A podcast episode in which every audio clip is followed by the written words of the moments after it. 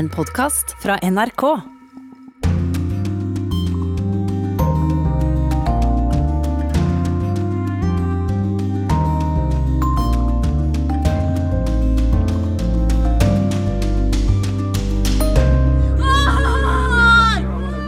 To unge kvinner sitter på huk foran et dødt menneske. Selvmordsbomberen tok fra dem et liv. Et menneske de var glad i. Terrorfrykt i Kabul etter den grusomme aksjonen torsdag.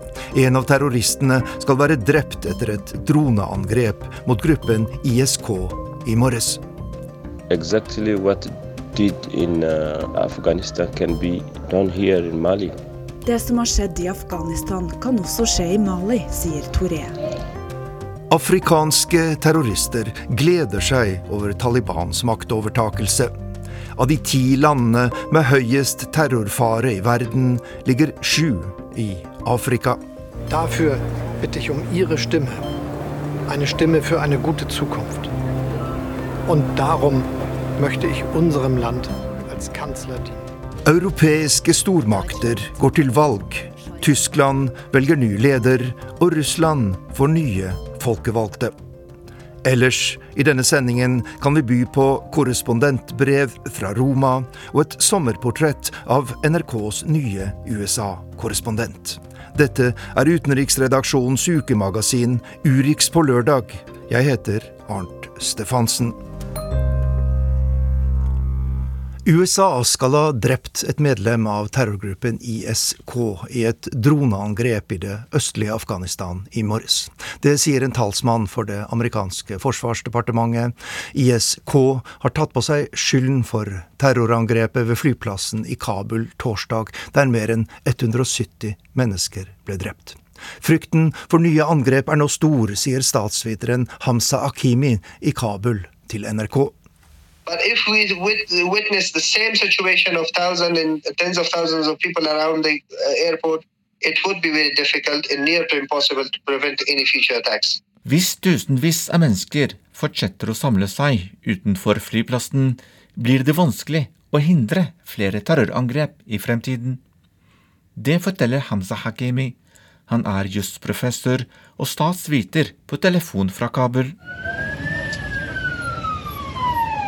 Over 100 mennesker ble drept og 200 andre ble skadd etter to selvmordsangrep utenfor flyplassen i Kabul sist torsdag. Blant de drepte var det også 13 amerikanske soldater.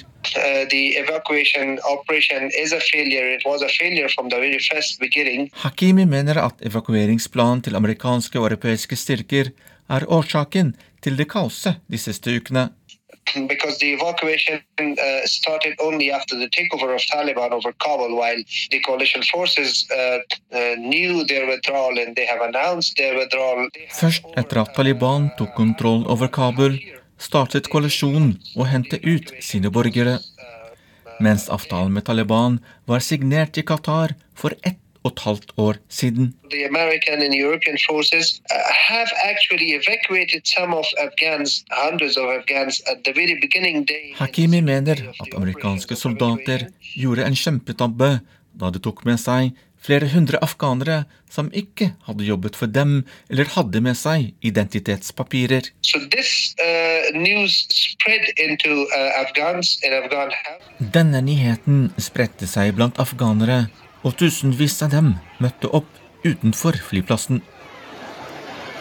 Hakimi mener at vestlige land må hjelpe folk i Afghanistan før det er for seint. Uh, uh, uh,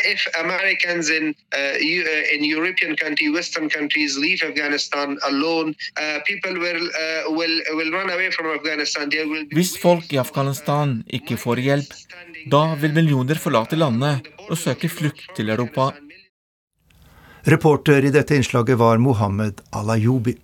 Gro Holm, du er utenriksmedarbeider her i NRK og har fulgt utviklingen i Afghanistan i mange år. Hva vet vi om dette droneangrepet mot ISK i morges?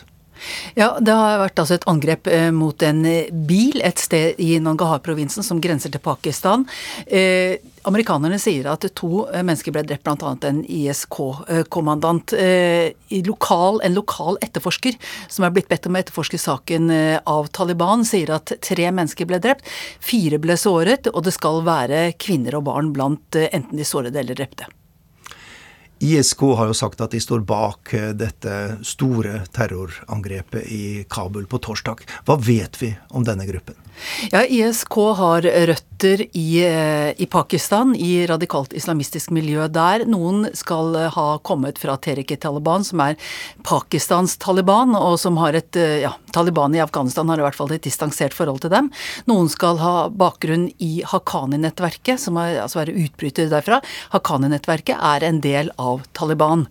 Eh, de mener at Taliban er altfor kompromissvillige, kaller dem av og til for frafalne, er imot den avtalen Taliban Taliban inngikk med USA om tilbaketrekking i februar i fjor. De mener at Taliban er for nasjonalistiske, de kjemper for et globalt eh, kalifat, islamsk kalifat, og de er nok mer villige enn Taliban har vært til å gjennomføre selvmordsaksjoner mot sivile mål, som de gjorde tidligere i vår mot en jenteskole i Kabul der 85 mennesker ble drept. Men eh, Taliban har jo også drevet med selvmordsaksjoner, det skal vi ikke, det skal vi ikke glemme. Men de har altså en annen ideologi, og mye mer global ideologi, enn det Taliban har. Takk skal du ha, Gro Holm. Du blir med oss videre i denne sendingen. Eh, det er jo nå bare tre dager igjen før fristen går ut for evakueringen fra Kabul, og en rekke land har jo allerede avsluttet sine operasjoner. I Afghanistan så sørger et av verdens mest utpinte og krigsherjede folk over sine døde etter torsdagens terrorangrep.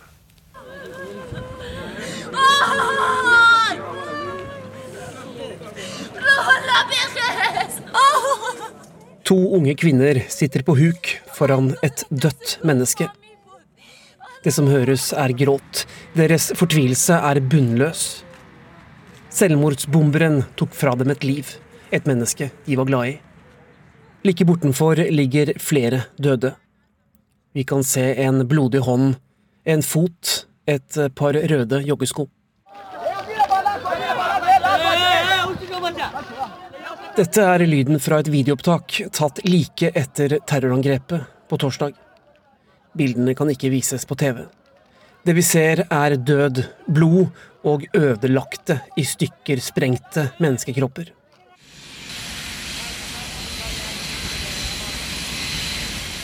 Terrorangrepet fikk noen konsekvenser. I løpet av fredag avsluttet flere stater evakueringen fra Afghanistan. Land som Belgia, Australia, Tyskland, Spania, Sverige, Danmark, Sveits og Italia sender nå ikke flere fly til Kabul. I går kom det også signaler fra både Storbritannia og Frankrike om at de avslutter ganske raskt.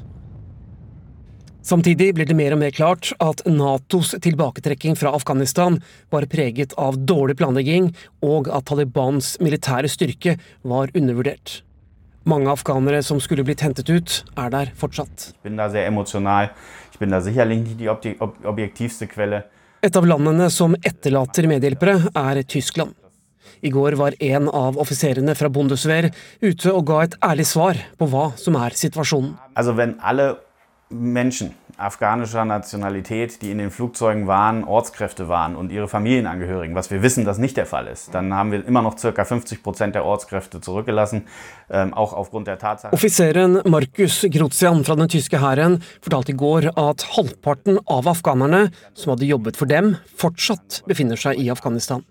De blir heller ikke hentet ut. Totalt er flere enn 5000 afghanere igjen der, i tillegg til deres familier. USAs president Joe Biden må tåle kritikk fra sine politiske motstandere, og den øker i omfang. Republikanerne mener Biden har håndtert situasjonen i Afghanistan på en feil måte etter at Taliban tok kontroll over landet. Det var riktignok tidligere president Donald Trump som i februar i fjor forhandlet fred med Taliban og forpliktet USA til å trekke amerikanske soldater ut, men likevel så kalles Joe Biden for svak og inkompetent. Årsaken er at tilbaketrekkingen virker dårlig planlagt. Store mengder våpen og utstyr blir etterlatt til Taliban, og verdien på dette krigsmateriellet er verdt nærmere 750 milliarder norske kroner. Republikaneren Jim Banks fra delstaten Indiana forteller her hva de mener Taliban har fått tak i. The Taliban now has access to over $85 billion worth of American military equipment. That includes 75,000 vehicles, over 200 airplanes and helicopters, over 600,000 small arms and light weapons. The Taliban now has more Black Hawk helicopters than 85% of the countries in the world. Det er ikke våpnene som er det verste, forteller Banks. USA sviktet sine venner, sviktet de som hadde jobbet for dem. De etterlot registre og arkiver. Taliban kan enkelt spore opp medhjelperne hvis de vil. Taliban now has biometric devices, which have the fingerprints, eye scans, and the biographical information of the Afghans who helped us over the last 20 years. Tilbake i Kabul, ved området utenfor flyplassen.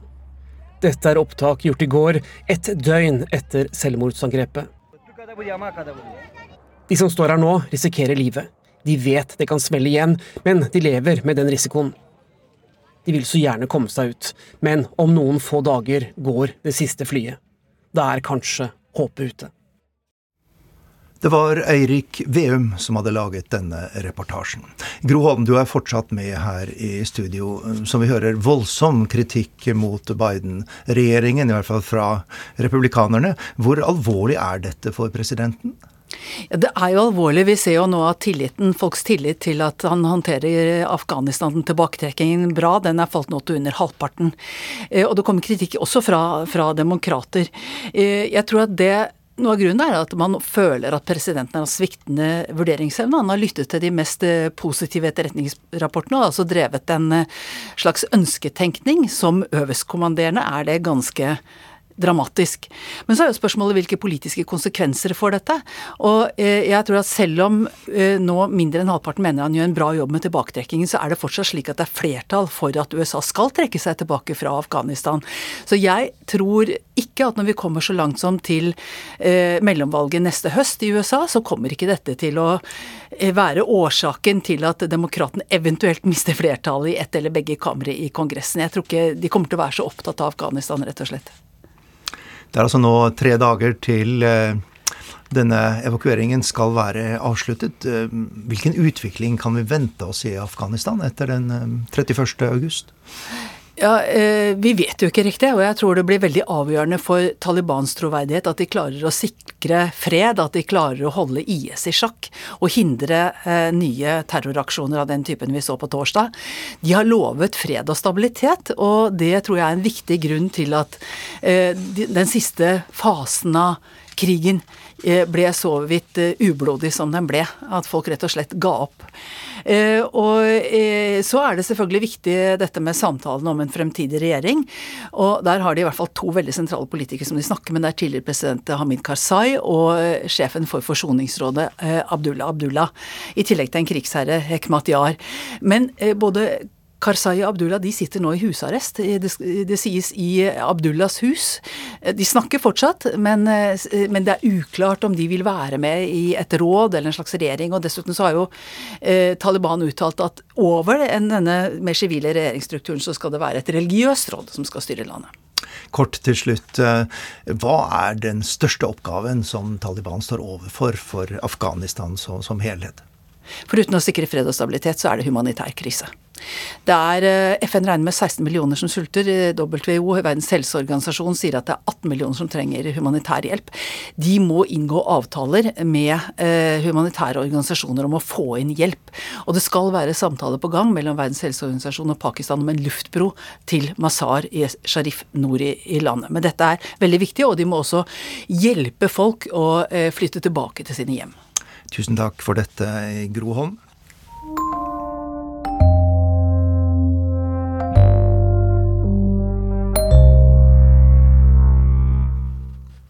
Terrorister i Afrika gratulerer Taliban med maktovertakelsen i Afghanistan. Sju av de ti landene med høyest terrorfare i verden ligger på det afrikanske kontinent, og i Mali er frykten stor for at islamistiske grupper skal ta makten. NRKs Afrikakorrespondent Ida Dalbakk har snakket med en frilansjournalist som har fått erfare hvor farlige islamistene kan være. I remember eight months ago, it was a, UN mission. We was five person. The morning we tried to go to see our project place. Det skjedde for åtte måneder siden. Det var et oppdrag i regi av FN. Vi var fem personer, og om morgenen dro vi av gårde for å besøke et jordbruksprosjekt, forteller Baba Mahamane Touré. Touré snakker på telefon fra Segou, nordøst for Malis hovedstad Bamako. Den 40 år gamle frilansjournalisten forteller om reisen i Gao nordøst i Mali. About 30 kilometers, some people come around the motorbike and uh, one car shooting from everywhere and bring us in the Sahara. Da vi var kommet ca. 30 km fra hotellet, kom det plutselig menn på motorsykler som skjøt på oss. De kidnappet oss og tok oss med til et skjulested i Sahara-ørkenen.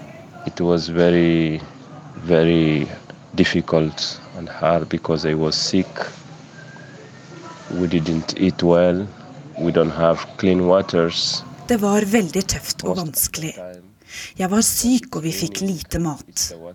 Vi hadde ikke rent vann mesteparten av tiden. Når det regnet, drakk vi vannet som kom fra himmelen.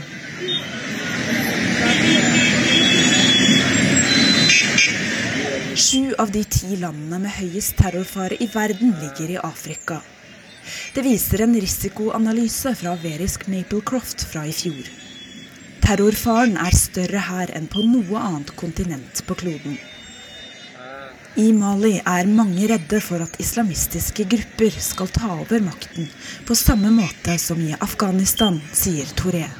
Here, people are very afraid about this situation. Han forteller at mange maliere har flyttet til naboland fordi de er redde for islamister. Gjetere som er ute med dyrene sine, er ikke trygge. Heller ikke dem som må reise innenlands. Situasjonen er vanskelig, sier Touré. So the problem it uh, very, very, very. En av terrorgruppene som har gratulert Taliban etter maktovertagelsen i Afghanistan, er Jamat Nasr al-Islam wal-Muslimin. Den opererer bl.a. i Mali, Algerie, Tsjad og Niger. Terrorleder Iyad Ag-Ghali hedret Taliban etter tilbaketrekningen av amerikanske og vestlige styrker. Den maliske terrorlederen har sverget troskap til Al Qaida og Taliban. The similar things, exactly what did in uh, Afghanistan, can be done here in Mali. Det som har skjedd i Afghanistan, kan også skje i Mali, sier Touré. They have the control of a lot of parts of the country. Han forteller at militæret i Mali stadig taper terreng, og at islamistene blir mer og mer avanserte i sine angrep. From Gao to, to Segu, a lot of parts of this area are for jihadists they control. Touré vil ikke si hvilken gruppe som kidnappet ham av frykt for sin egen sikkerhet. Men han forteller hva som skjedde etter tre uker i fangenskap. After three weeks, they decide to release us. De bestemte seg for å slippe oss fri i en liten landsby. Vi var veldig heldige. So we was very lucky because army also shoot us by our direction. Malisk militære skjøt mot oss fordi de trodde at vi var terrorister. Vi overga oss, og etter å ha forklart oss lenge, tok de oss med til sykehuset, sier frilansjournalisten. Nå takker han Gud for at det gikk bra. I thanks God I'm here. Everything uh, is, is become normal.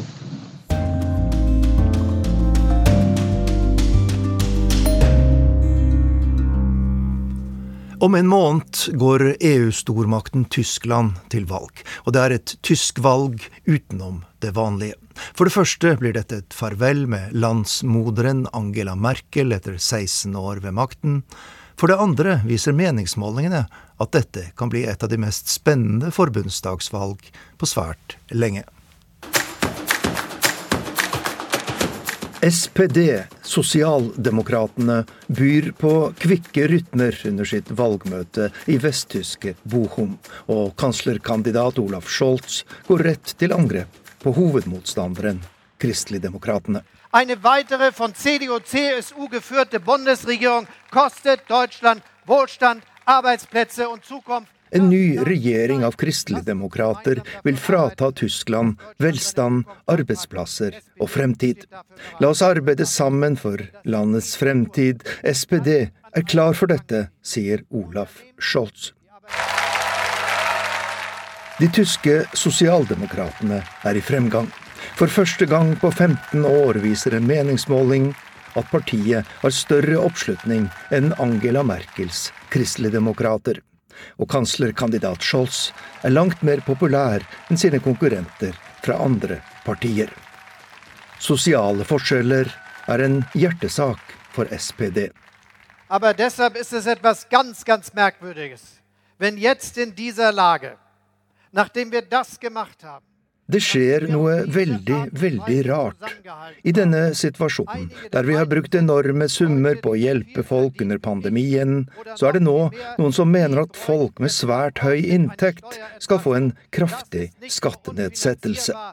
Det er ikke bare umulig å finansiere, det er usolidarisk og umoralsk, sier sosialdemokratenes kandidat til å bli Tysklands neste regjeringssjef er, meine Damen und Herren, hier ist der Kanzlerkandidat Armin Laschet. Kristeligdemokratenes kanslerkandidat Armin Laschet går på podiet på et valgmøte i Berlin. Han har hittil vært klar favoritt til å overta makten etter sin partifelle Angela Merkel, men nå synes utfallet åpent, og Laschet har et krevende budskap. Dass wir Industrieland bleiben, dass wir diese Umstellung Vi må forbli et industriland. Vi må bringe Tyskland fra den fossile til den klimavennlige tidsalder på en måte som gjør at vi om 20 år fortsatt har en stålindustri, en bilindustri og en kjemisk industri her i landet. Disse næringene må altså bli klimanøytrale. Dette får vi ikke til med stadige nye forbud og forskrifter, advarer CDUs kanslerkandidat. Vi skal kjempe, jeg skal kjempe for at dette Tyskland ikke blir overtatt av ideologer, men at vi kan sette våre ideer ut i livet, sier kanslerkandidat Armin Laschet, med tydelig adresse til venstresiden og De Grønne. De Grønne lå lenge svært høyt på meningsmålingene, men har falt kraftig tilbake, og legger nå an til å bli tredje største parti ved forbundsdagsvalget. Kanslerkandidat Anna-Lena Baerbock vurderer valget slik. Vi står foran et virkelig skjebnevalg. Fremtidens politikk må fastlegges nå, og vi må ha mot til å ta de vanskelige beslutningene. Klimapolitikk er ikke enkelt, og det er avgjørende at byrdene ved det grønne skiftet blir rettferdig fordelt. Å unnlate å gjøre noe er en oppskrift på de dramatiske begivenhetene vi har sett denne sommeren flomkatastrofe i Tyskland og hetebølger og branner i Sør-Europa, sier Anna-Lena Baerbock i partiet De Grønne. Vi har fått besøk i studio av Kai Schwint, eh, tysk-norsk medieviter og en av programlederne for podkasten Tyskerne. Eh, denne uken har vi sett en utvikling som har fått stor internasjonal oppmerksomhet. For første gang på 15 år eh, viser en måling at sosialdemokratene er mest populære i, i, Tyskland. Hva er det egentlig som skjer? Godt, godt spørsmål. Hvis, hvis vi holder oss litt til overflaten, som jeg dessverre ofte ofte er også litt avgjørende, kan man jo si uh, Olaf Scholz, kandidat, har bare lent seg litt tilbake og lot de andre gjøre store tabber under valgkampen. Uh, det er mye som skjedde der som han har profitert ved å ikke være no noe særlig aktiv, kan man kanskje si. Uh, men så er det også at SPD, altså Sosialdemokratene, har klart å samle seg bak han. De har litt sånn de interne konfliktene, og da finnes det mange av på vent, og er veldig solidarisk med kandidaten sin, i motsetning til f.eks. Amin Laschet og CDU, altså Angela Merkels parti. Eh, så det, det har fungert veldig bra. Eh, og så er det det som er litt fascinerende for alle å se på, fordi han er jo eh, ufattelig ufattelig ukarismatisk og kjedelig. Igjen, hvis vi holder oss til den overflaten. Eh, jeg hørte et intervju eh, med han hvor journalisten spurte han, men hvordan føler vi politikeren Olaf Scholz? Hva slags aura har du? Har du? Og da svarte han bare ja, ja, jeg er glad i å snakke med folk og sånt. så, så, det er noe da. Det, det, å være kjedelig på den ene siden uh, betyr jo også at man representerer en slags stabilitet og forutsigbarhet på den andre siden. Og det er nok en blanding av alle disse ting.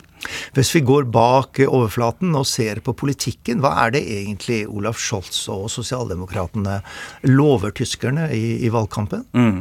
Jeg vil si at det er et slags sånn todelt budskap. Eh, en del ting har du jo nevnt allerede i den reportasjen her. altså De er opptatt av på en måte klassisk sosialdemokratisk politikk. Sosiale forskjeller. De lover en minstelønn eh, av tolv euro for, for alle, som har litt sånn omstridt minstelønndebatt i Tyskland Tyskland, så er det selvfølgelig det grønne energiskiftet i Tyskland. Hvordan klarer vi å videreføre industrien på en bærekraftig måte, på grønn type industri, selv om det allerede begynner å bli litt uh, vagt. Men så er det også det at uh, problemet han har, er at han sitter sitter jo i regjeringen Merkel eh, fortsatt som finansminister. Han er den sittende finansminister. Han er del av en stor koalisjon. Så det er vanskelig å selge dette. Alt det som han går nå til valg med, med uh, det store spørsmålet hvorfor har du ikke gjort mer om før og for å forandre dette? Så han går faktisk litt for det òg. Han sier jeg står også for ikke for mye forandring. Dere kjenner meg jo, som også var et valgkampmotto til Angela Merkel en del år tilbake. Jeg, jeg, er trygg, og dere kjenner meg. Så jeg er en slags Merkel light, kanskje. Dere vet hva dere skal få. Um, frem til nå så har jo Kristeligdemokratene og, og Armin Laschet vært favoritter, og, og Laschet har vært ansett som det mest sannsynlige arvtaker etter uh, sin partifelle Merkel. Um, men nå kommer altså disse meningsmålingene som viser at det er um, åpent. Mm. Tror du det er bare et blaff, at, uh, eller kan det, dette holde helt inn for sosialdemokratene? Det er jo vanskelig å si. Som du sier, disse meningsmålingene er de jo en sånn slags momentaufname, som vi sier, et sånn øyeblikk. Eh, det er en slags trend, kanskje, men det er for tidlig å si. Eh, det er mye som kan skje. Vi har fortsatt ikke hatt disse store TV-debattene mellom kandidatene eh, i Tyskland, som var veldig avgjørende, spesielt mot, mot slutten. Så jeg vet ikke helt av det ærlige svaret, men det er jo interessant å se hvor dramatisk det har gått ned for Amin Laschet. Det har rett og slett ikke fungert på mange områder. Så lenge til er det ikke. Det er snart valg. Uh, og det fins mange grunner. En av dem er kanskje at uh, han rett og slett ikke har en personlighet som fungerer i krisetider, som mange tyskere oppfatter det akkurat nå. Det er korona, det var overflømmelse, det er Afghanistan nå. Uh, så har han gjort mange store tabber. under valgkampen han Eh, han lo under en tale som president eh, Steinmeier ga til Um, til flomofre, og så blir han sabotert av eget partiet, som også er et problem. Så lykke til, Amin Laschet. Tusen takk til deg, Kai Schwint, tysk-norsk medieviter og programleder for podkasten Tyskerne. Russland går også til valg på nytt parlament i neste måned, og med fallende oppslutning på meningsmålingene for regjeringspartiet gjør president Putin et spesielt trekk. Han lover alle landets pensjonister en utbetaling på 10 000 rubler, eller om lag 1200 kroner, som er mye penger for vanlige russere. Noen pensjonister sier til NRK at myndighetene forsøker å kjøpe deres stemmer поддержать тех, по кому больно ударила инфляция. Эта выплата в 10 тысяч рублей должна... Nyhetssendingene i statlig russisk TV har bred omtale av det president Vladimir Putin og regjeringspartiet Forent Russland foretar seg nå i ukene fram mot parlamentsvalget. Særlig stor oppmerksomhet får presidentens utspill om å betale ut 10 000 rubler, eller om lag 1200 kroner, til hver eneste russiske pensjonist. Forslaget kom i beste sendetid обеспечить единовременную выплату пенсионерам 10 тысяч рублей. Pensjonistene skal få en engangsutbetaling på 10 000 rubler, sa president Vladimir Putin denne uka på landsmøtet til regjeringspartiet Forent Russland. Presidenten understreket at pensjonistene har hatt ekstra utgifter til medisiner og beskyttelsesutstyr under pandemien. Dessuten har prisstigningen i Russland vært høyere enn det myndighetene regnet med. Мы вместе за Россию. Forslaget fra Putin ble tatt godt imot av landsmøtet. En av lederne i partiet understreket at dette ikke er et utspill i valgkampen, men at det er nødvendig hjelp til en del av den russiske befolkningen. Offentliggjøringen av utbetalingen kommer likevel litt over tre uker før valget på nytt parlament. NRK har snakket med pensjonister på gata i Moskva, og meningene om utbetalingene er delte. Myndighetene kjøper stemmer for disse 10 000 rublene, sier denne kvinnen som ikke vil oppgi navnet sitt. Men hun understreker at alt er dyrt i Russland nå, og at det er en liten sum landets ledere deler ut. Det er helt greit å gjøre det på denne måten, sier Nikolai, som bare vil oppgi fornavnet sitt. Han er ikke enig i at presidenten og regjeringspartiet driver valgkamp på denne måten. Den ekstra utbetalingen på 10 000 utgjør halvparten av denne mannens månedlige pensjon.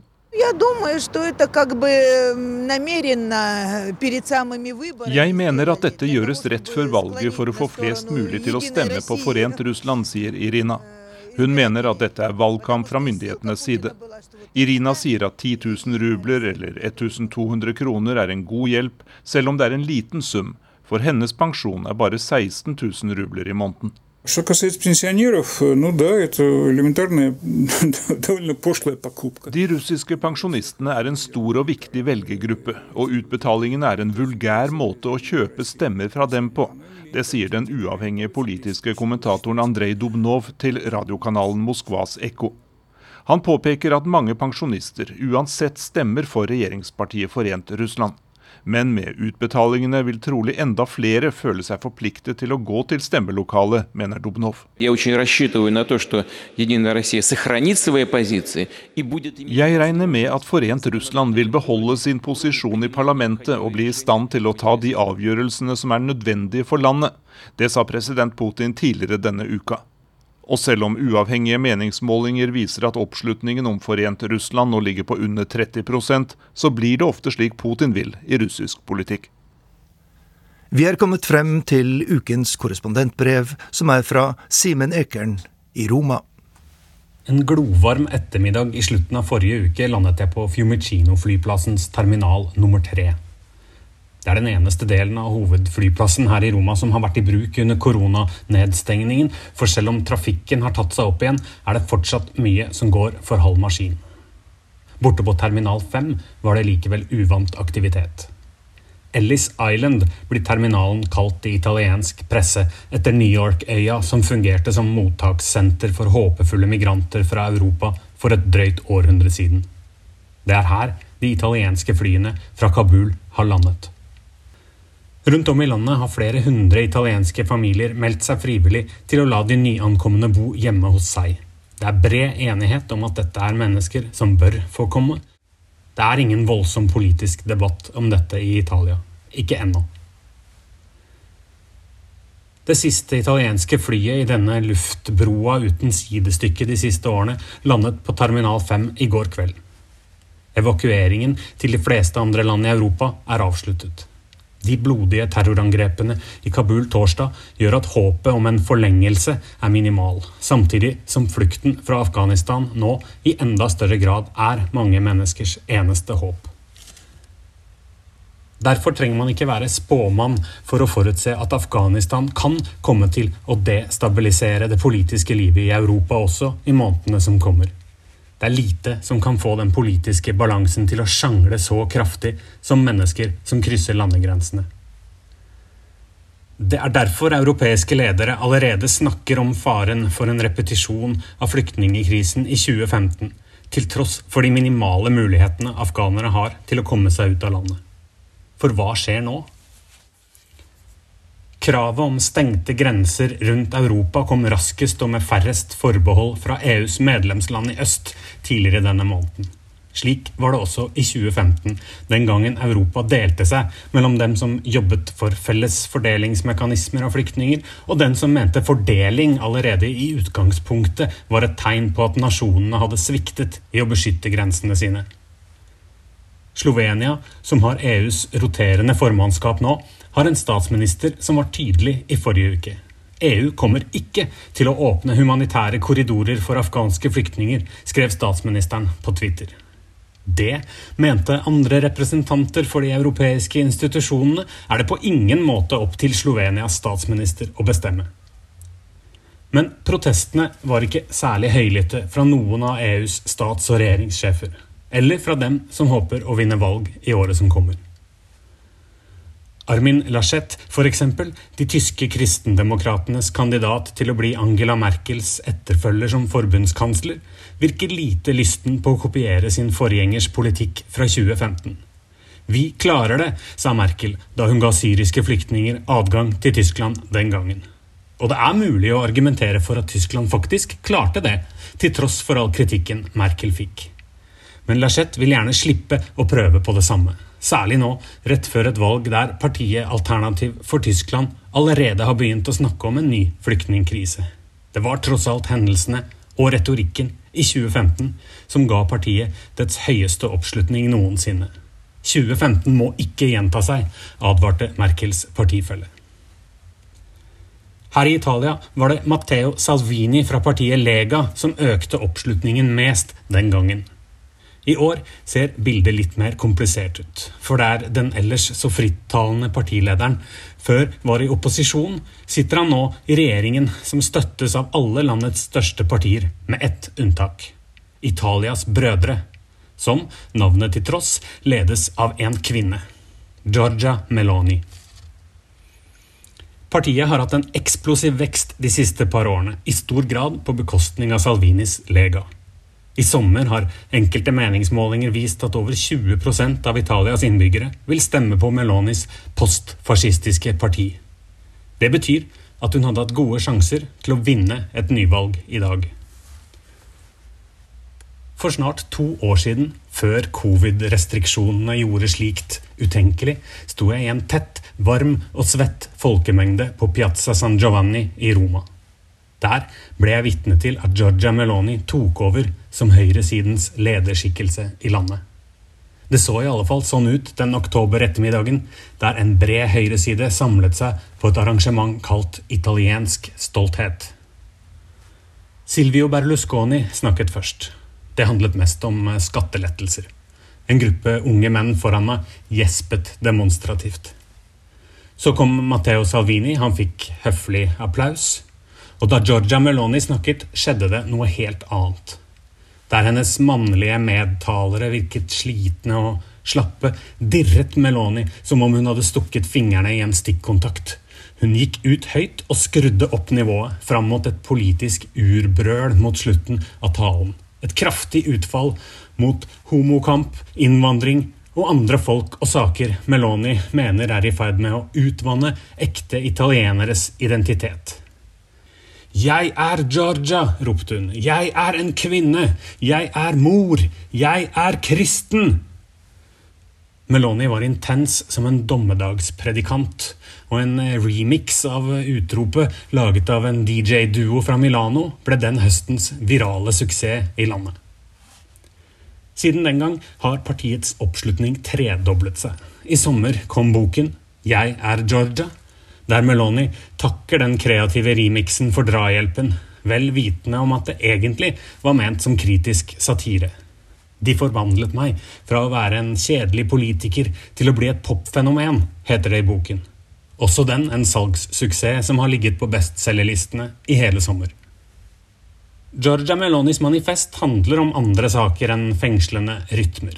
Hun er blant de vesteuropeiske politikerne som har vært mest ivrig etter å knytte seg opp til Ungarns kontroversielle statsminister Viktor Urban og hans drøm om et annet Europa. Her er det den heteroseksuelle kjernefamilien, konservative kristne verdier og stengte landegrenser som danner grunnlaget for en offensiv. I den nye boken gjør Meloni det klart hva hun mener om innvandring så lenge det ikke er snakk om kristne migranter. Det er den globale elitens forsøk på å utvanne kulturen, vaske vekk den nasjonale identiteten og skape en verden av svake mennesker, skriver hun.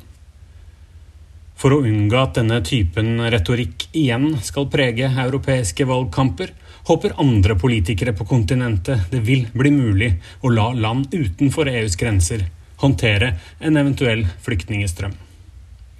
En nyoppblusset frykt for å få terrorister inn blant kvotene med flyktninger kan komme til å styrke viljen til å få det til.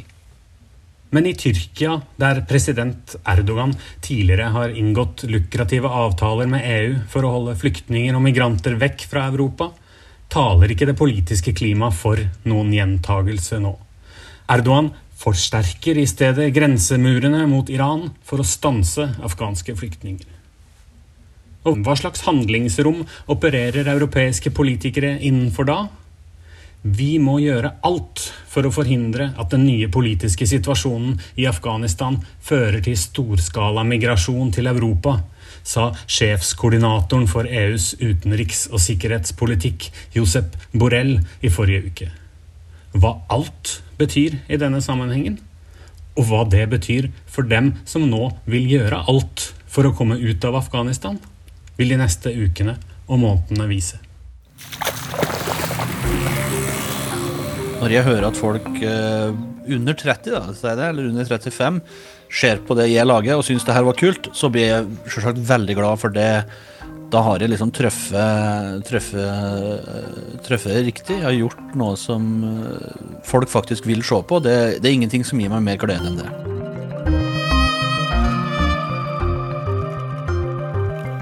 Denne sommeren er du blitt kjent med NRKs korrespondenter. Noen avtroppende og noen påtroppende. Jeg heter Lars Os, og jeg er korrespondent her i eh, USA. Du er 34 eh, år og har nylig startet i det som for mange norske journalister er selve drømmejobben. Hva betyr det for deg? Det betyr, eh, det betyr mye. Jeg syns det er kjempeartig. Jeg har tenkt veldig lenge på det å eh, liksom kunne jobbe ute i, eh, i felt som journalist. For jeg har jo starta på en måte karriere på en litt annen måte enn det kanskje de fleste andre journalister har gjort. Jeg jobba i fem år i Forsvaret, var ute for Forsvaret i Afghanistan for over ti år siden. Eh, og der møtte jeg mange som nå er kolleger, eh, journalister, som kom ned til leiren vår i, i Afghanistan. Og jeg fikk liksom sma, veldig smaken da, på den andre biten, så egentlig etter det så hadde jeg alltid lyst til å på en måte bli en journalist som kan for og ut i, i, i hverdag og kunne rapportere inn til folk hjemme. Hva slags forhold har du til USA? Jeg har f.eks. visse spillefilmer eh, fra 90-tallet. Altså litt cheesy actionfilmer, ikke sant. Men eh, de, de satt har liksom sett av veldig mye preg. da F.eks. Independence Day, Armageddon, Jurassic Park. Altså Du har herre kan, Kanskje jeg, vil si iallfall ikoniske filmene som på en måte snakker veldig mye om Eller viser veldig mye liksom, amerikansk kultur. Uh, men du kan egentlig plukke hva som helst film egentlig som er laga i USA om det. Uh, så det er liksom det opprinnelige, men så har du da liksom det store USA, hva det er for noe land altså Det er jo nesten et uh, helt kontinent, bare hele landet. ikke sant? For at det er så mye forskjellig som, som eksisterer i det landet her. Og jeg, jeg kan si hvordan er det mulig å ikke være interessert i, i det landet her.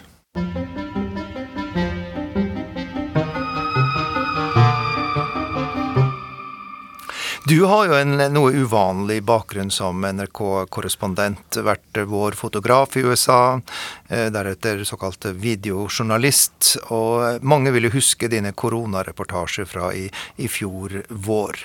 Og vi skal høre på en av dem. I New York så er det altså så mange som eh, dør nå. Det de har ikke mulighet til å frakte dem til andre plasser, så de er nødt til å lagres da, i det her kjølecontainerne. Kjører gjennom Park Avenue. Nesten ingen biler. Helt tomt. Hvordan opplevde du disse dagene i New York, da byen var det globale episenteret for koronapandemien? Jeg var iallfall hvert litt redd, det kan jeg huske.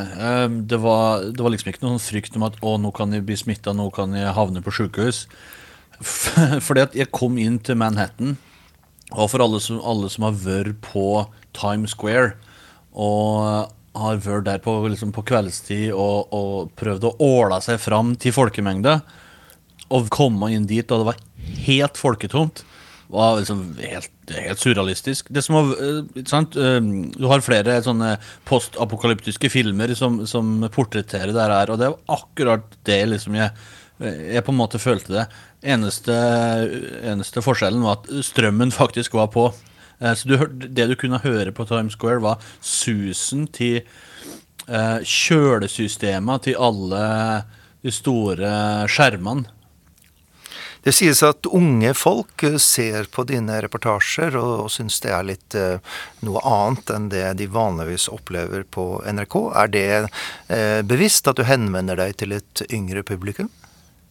Eh, jeg tenker en del på det, eh, rett og slett fordi at eh, jeg tror det er like viktig å, å stimulere interessen for den yngre, gener altså yngre generasjonene og, og, og, de yngre seerne. For at jeg tar med meg kamera og går inn i en, i en situasjon og, og, på en måte er med på det som foregår.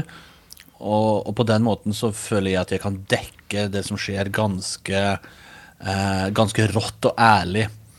Eh, og så syns, syns, jeg da at eh, intervjuobjekt eh, og de jeg er med, eh, fremstår enda mer naturlig, og det tror jeg òg fungerer veldig godt med, med, med seerne hjemme. Når jeg hører at folk eh, under 30, da, eller under 35 ser på det jeg lager og syns det her var kult, så blir jeg selvsagt veldig glad for det da har jeg liksom truffet riktig. Jeg har gjort noe som eh, folk faktisk vil se på. Det, det, er ingenting som gir meg mer glede enn det. En eh, annen stor sak som du dekket, var de voldsomme opptøyene etter drapet på George Floyd i Minneapolis i mai i fjor. Vi går gjennom eh, nabolaget som først ble eh, brent ned her for et par dager siden. Som du ser, så, så her, ja. Det brenner fortsatt i bygninger. Det er enorme ødeleggelser etter eh, alle demonstrasjonene. Den stien som demonstrantene har lagt etter seg, den er ødeleggende og veldig tydelig. Det svarte Amerika eksploderte, og du var midt i tumultene. Hvordan var det? Det var veldig interessant å se et um, kollektivt raseri mot uh, I Minneapolis da, så var det jo politiet det var rett og slett eh, vanlige folk, unge folk, som var ekstremt forbanna på, på politiet. Eh, debatten om, om eh, rase og, og, rasisme liksom eksploderte, og det, det ga meg òg nytt innsyn i, i hva ille amerikanske svarte, og spesielt unge, fortsatt føler det her i USA.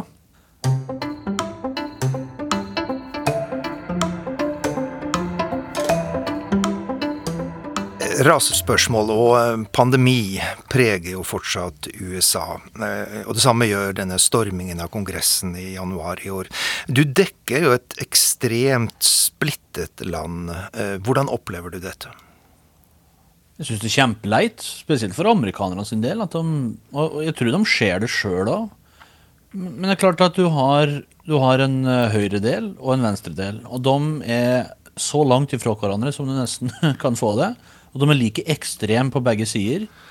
Men det å høre retorikken, spesielt i, i foraer der, eh, der du har alle de her kommentatorene, altså pundits, som det heter i USA, å sitte og høre på hvordan de egentlig ordlegger seg og, og beskriver liksom motparten sin, er, er veldig uforståelig for meg, for det gir jo ikke noe mening. Altså, hvis, um, hvis du f.eks. hører da på høyresida som mener én ting, og de er liksom blind i, imøtekommelse fra andre sida. Um, og, og, og, på, på venstresida så kan du høre nesten det samme. Jeg, jeg, føler at høyresida er litt mer ekstrem akkurat nå, men jeg tror det der går begge veier. Um, og det, det, det liksom, Hvorfor kan, kan vi ikke bare ta hverandre i hendene? For det gjør amerikanere nå. De, vi hilser på hverandre i hendene. Hvorfor kan vi ikke ta hverandre i hendene og bare uh, være enige om å være uenige, og så finner vi løsninger? Og Derfor så er jo denne infrastrukturpakka som, som uh, eh, 17-18 eh, republikanere sammen med demokratene i Senatet ble enige om, er på en måte det blir, liksom, det blir liksom en sensasjon politisk at uh, de skal bli enige med et eller annet. Jeg syns jo det høres veldig rart ut, for vi for eksempel, er jo veldig vant til det i Norge. Men nå, nå er det liksom en stor nyhet at uh, republikanerne og demokratene blir enige om en, om en politisk vedtak.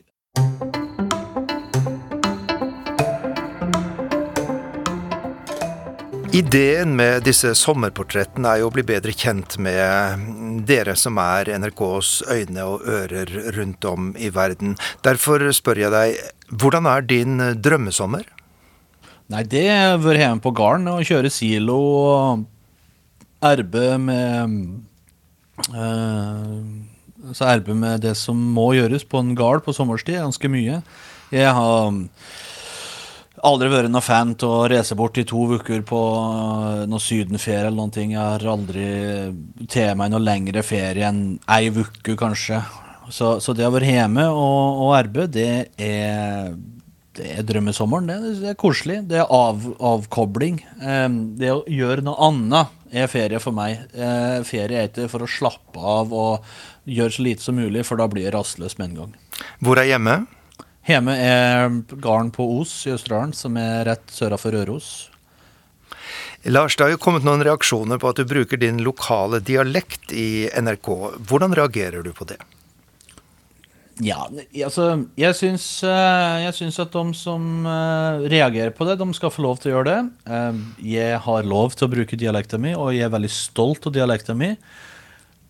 Og jeg har jobba mye med det. Altså hvis jeg skal, hvis jeg skal liksom være 100% osing, eller prate 100% osing, så er det mye eh, mange ord som folk ikke kommer til å forstå.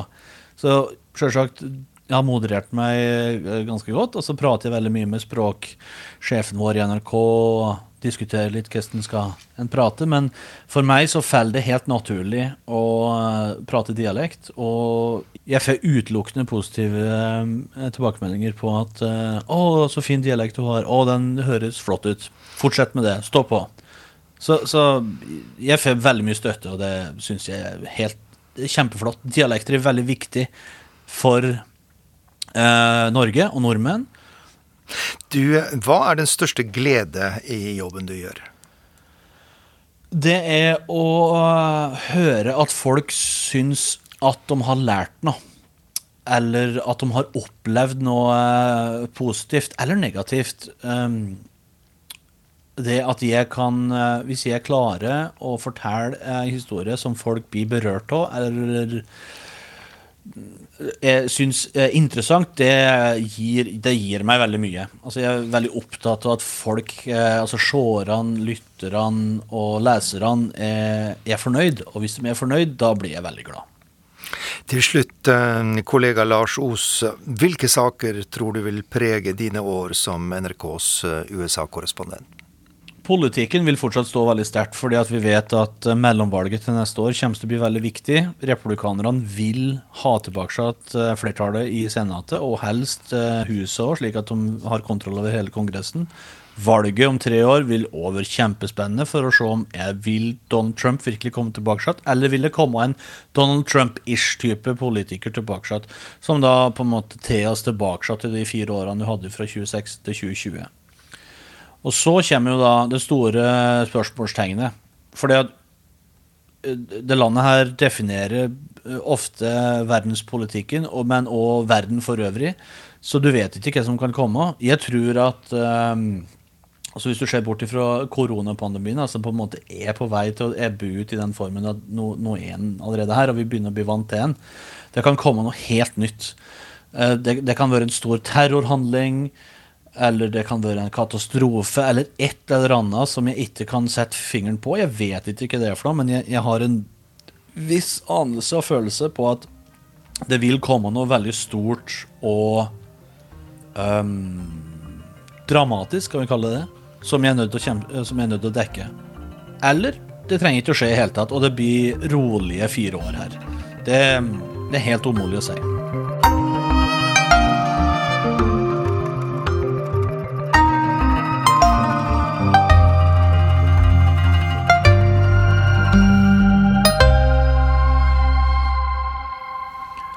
Teknisk ansvarlig for Sommerspesial var Bobo Bjørnskjold. Han satt også bak spakene i denne Urix på lørdag-sendingen. Produsent var Marte Halsør, og her i studio Arnt Stefansen.